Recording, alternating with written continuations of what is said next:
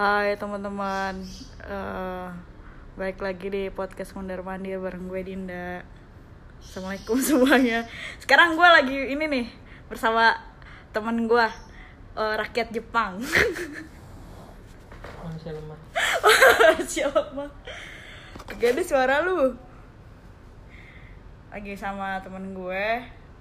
Dia udah sekarang udah jadi ini coy. Rakyat Jepang. Gila, jauh, jauh banget sumpah. deket Nah, sama Alfa, Ayalfa. halo Dinda Soalnya kecil banget. halo Dinda Nah. Gimana ya? Kita mau apa nih, Peng? mau tahu gue cuma pengen ketemu lo dong Astaga. Bohong canda guys, canda. Alfa ini temen gue, temen SMA. Bosen banget coy. Dua tahun sekelas sama dia. Bohong senang Bohong guys. Capek banget sekelas sama dia. Ini orang ya, sumpah. SMA. Kerjaannya di spend mulu. Terus eh, kerjaannya tidur mulu di kelas tapi dia bisa sekolah di Jepang coba anda coba tolong ceritakan beruntung diri aja diri anda itu gimana ya jadi lu tuh eh, sebelum sekolah di Jepang sekolah di mana kasih tahu dong sebelumnya kuliah di TB di Bandung. Ya. S1 nya jurusan fisika. Ya. Terus lulus S1 langsung lanjut S2 di TB juga. Ya. Terus habis eh, jadi ke Jepang itu eh, pas S2 eh, programnya double degree gelar ganda gitu jadi udah masuk ITB terus daftar program ini baru ke Jepang gimana sih lu ceritanya lu bisa bisa dapat itu? Bisa dapat lu lu beasiswa apa bukan? Iya. Saya gue udah tahu jawabannya cuman ya udah tanya aja ya. Lu beasiswa nah, gimana sih lu tuh? Kok kocak sih? Soalnya Lu- kayak settingan gitu. Kayak settingan emang settingan iya sih. benar ya kan gue udah duluan ngobrol sama lu cuman kan teman-teman gue belum pada tahu. Ya lu gimana sih ceritanya lu bisa dapat beasiswa itu gitu? Awalnya gimana? Kalau masalah dapat beasiswa sih sebenarnya eh, dicariin pihak kampus sana. Eh, jadi gue ya pihak kampus mana nih? Kampusnya Kanazawa University. Oh ya kampus dari Jepangnya. Ya terus terus? Jadi pas gue udah lolos program itu seleksinya itu statusnya belum dapat beasiswa. Jadi eh, bahkan dari lolos sampai dapat beasiswanya tuh eh, adalah enam bulan atau lima bulan gitu. Hmm.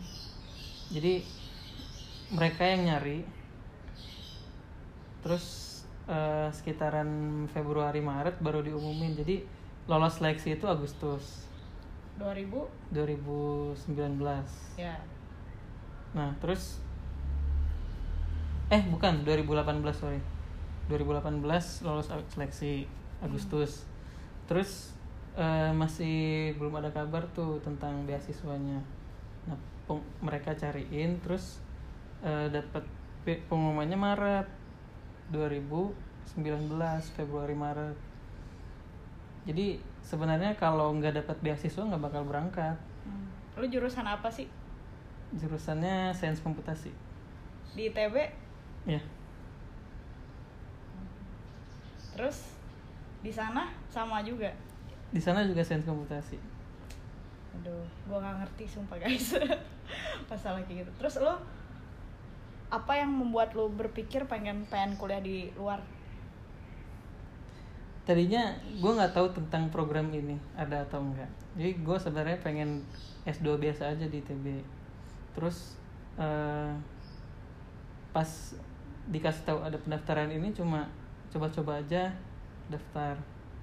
Hmm. terus hmm, ternyata lolos seleksi. Jadi berangkat. Wih, gila. Sebenarnya nggak yang beneran pengen gitu kuliah ke luar Ini emang negeri emang ajaib ini teman gue tiba-tiba gue juga bingung tiba-tiba di apa dikabarin gitu. Eh gue April ya? Lu Hmm. gue April berangkat ke Jepang coy. Gue sekolah Jepang. Hah? Gue kaget. Cuma baru lulus terus langsung pergi pergi jauh lagi nih. Terus lu apa ya? Kot apa negara kota lagi astagfirullahaladzim. Negara Jepang tuh negara impian lu gak sih buat melanjutkan kuliah sebenarnya? Eh ya oke sih. Enggak, awal anjir. Enggak, kampret. Maksud gue awalnya tuh awalnya tuh lu ada gak sih maksudnya kepikiran ah gue pengen kuliah di Jepang gitu. Atau ada negara lain gak sih yang sebenarnya lu tuh pengen banget gitu buat kuliah di sana? Gue main ke Belanda? Nah ap- kenapa lu pengen ke Belanda? Karena apa karena ada tim bola Ajax Amsterdam. Bangke. Gak ke Amerika nonton Celtics. Itu susah. Nah, terus gimana sih lu kehidupan di sana, kehidupan di Jepang? Maksudnya kehidupan nah lu di sana tuh kelas internasional atau gabung sama orang Jepangnya atau gimana? Programnya internasional. Ya, Eh, tapi kalau di kuliahnya itu ada sama anak Jepang juga. Jadi campur. iya campur. Jadi eh, sama yang mahasiswa Jepang regulernya di sana di jurusan sains komputasi itu. Hmm, kuliahnya bareng. Ya. nah dosennya eh, ngajarnya dua bahasa sih. Jadi kadang bahasa Inggris terus bahasa Jepang di kelas itu Bilingual. Iya bilingual. Tapi ada juga yang full bahasa Inggris. Ya, yang bahasa Jepang nggak ada sih sebenarnya. Kesan pertama lu sampai di sana. Oh, lu kan pernah ya waktu SMA, Hmm. sister school. Mm. ke Jepang. Nah, bedanya kesan pertama lu ke Jepang pas SMA sama pas mau S2 tuh apa bedanya? kan pasti vibes-nya beda dong.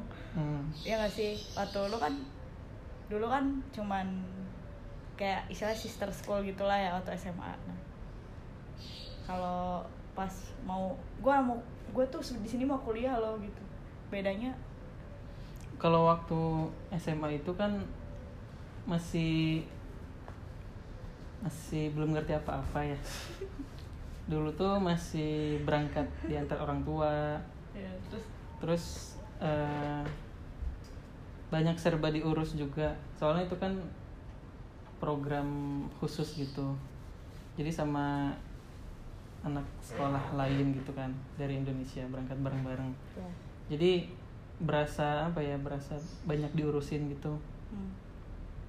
karena ikut suatu program. Nah yang waktu kuliah ini eh, sama sih masih diantar orang tua juga ke bandara. Cuma habis itu eh, feelnya beda.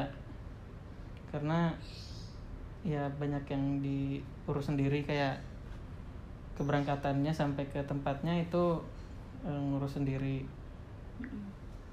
Terus beda sih feelnya kayak itu. Nah. soalnya kayak ngerasa yang pas kuliah ini udah tinggal berangkat aja gitu. lu gitu. Hmm, terus lu seleksi beasiswa ini tuh tahapannya apa? Banyak gak tahapan itu ada seleksi berkas ada tes tulis ngerjain soal gitu sama eh, wawancara. Yang paling susah tes apa? Yang paling susah eh sebenarnya kalau seleksi berkas ini kan Jepang agak-agak strict gitu ya. Mereka pengen pengen berkasnya tuh udah udah rapi baru diterima gitu. Tapi mereka ngeban- ngebantuin gitu. Tolong koreksi yang ini ya gitu gitu. Oh terus kalau ngerjain soal ya itu sebenarnya mandiri ngerjainnya. Tapi karena gua nggak pinter-pinter banget susah sih itu. Oh anjir penghinaan. Terus? Ke gue.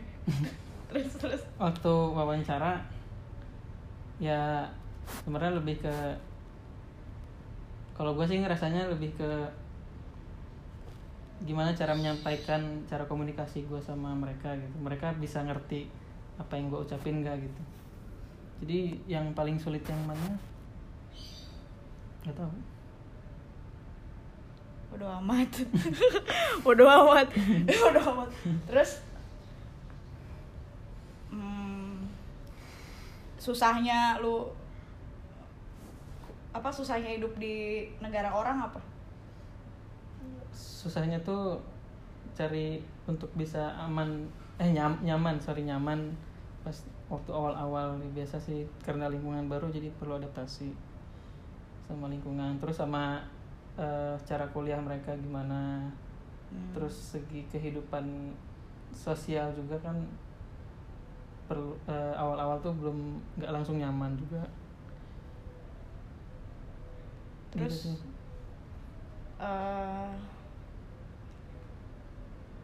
Kalau kuliah di sana lu lu jangan gitu kenapa muka lu sebel banget gue apa tuh? Kuliah di sana susah nggak?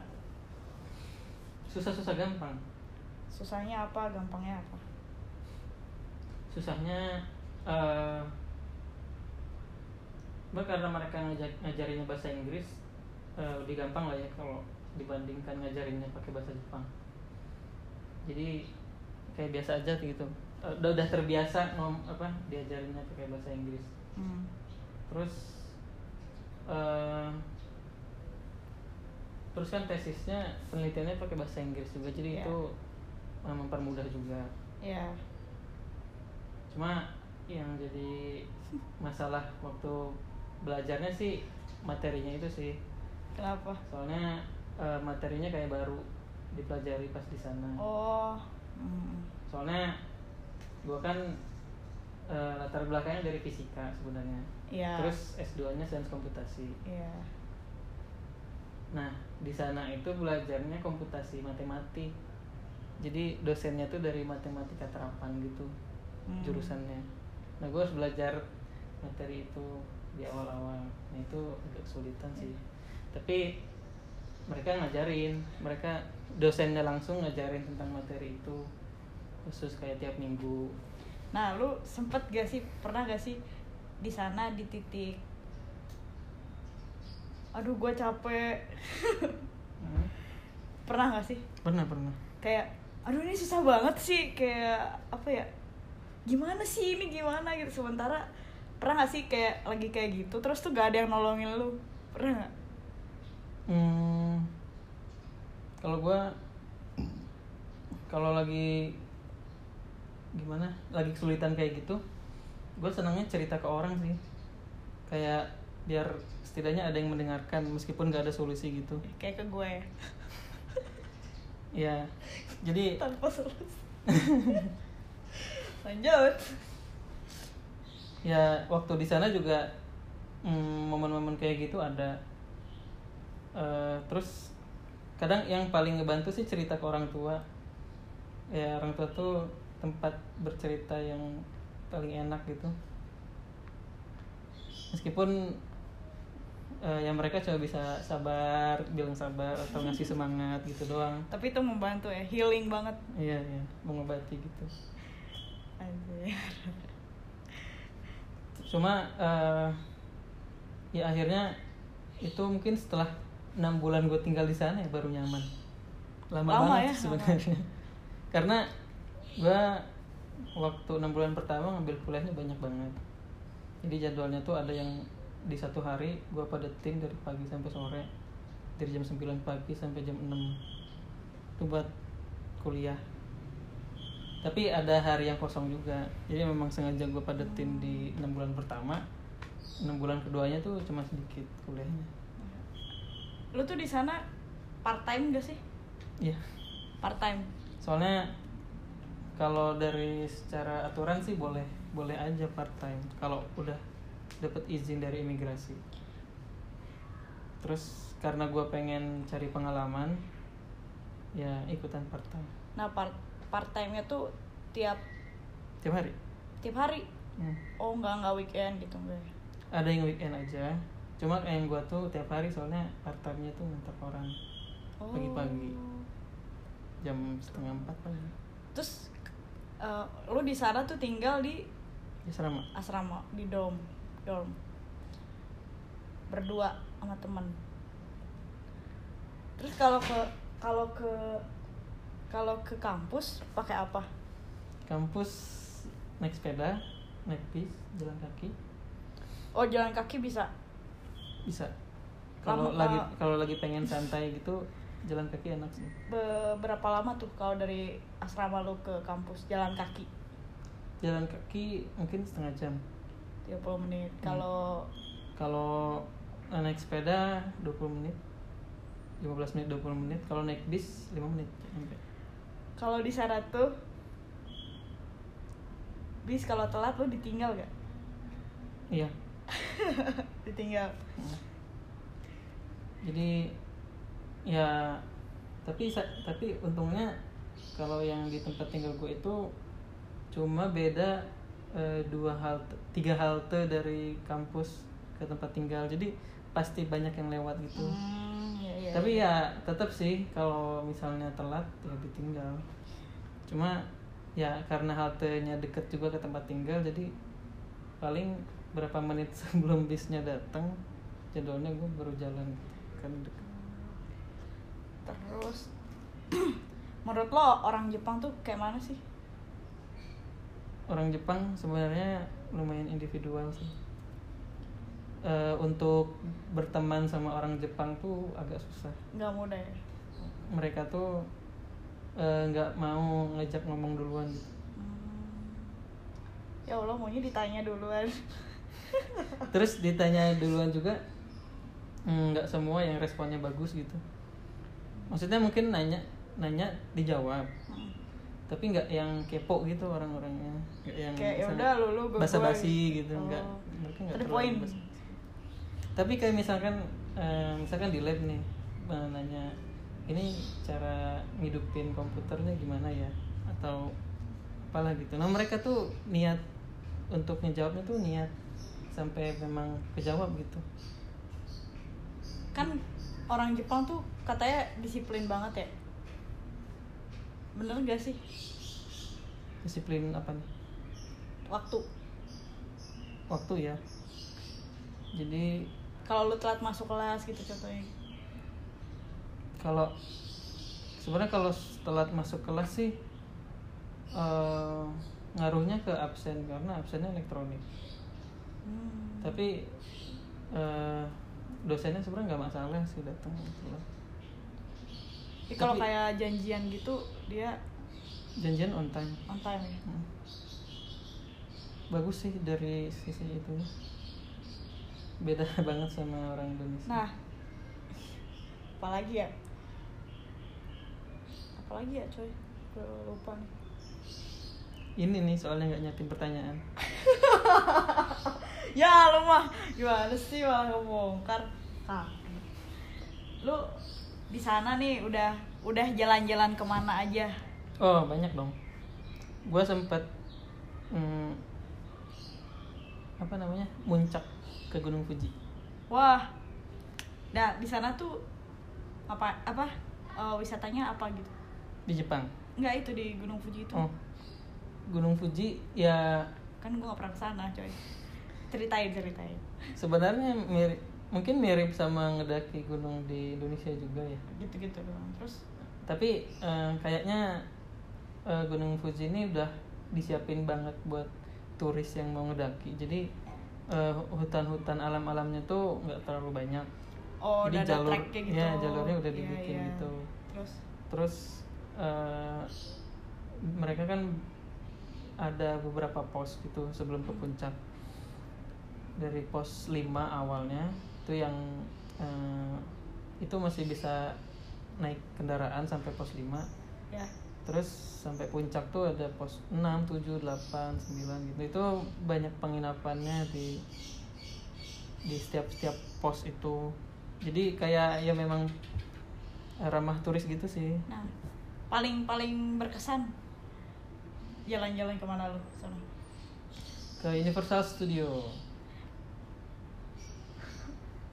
udah amat. Ya kan? Oh udah amat. Bener kan? Iya, iya, terserah deh. Terserah Universal Studio guys katanya guys.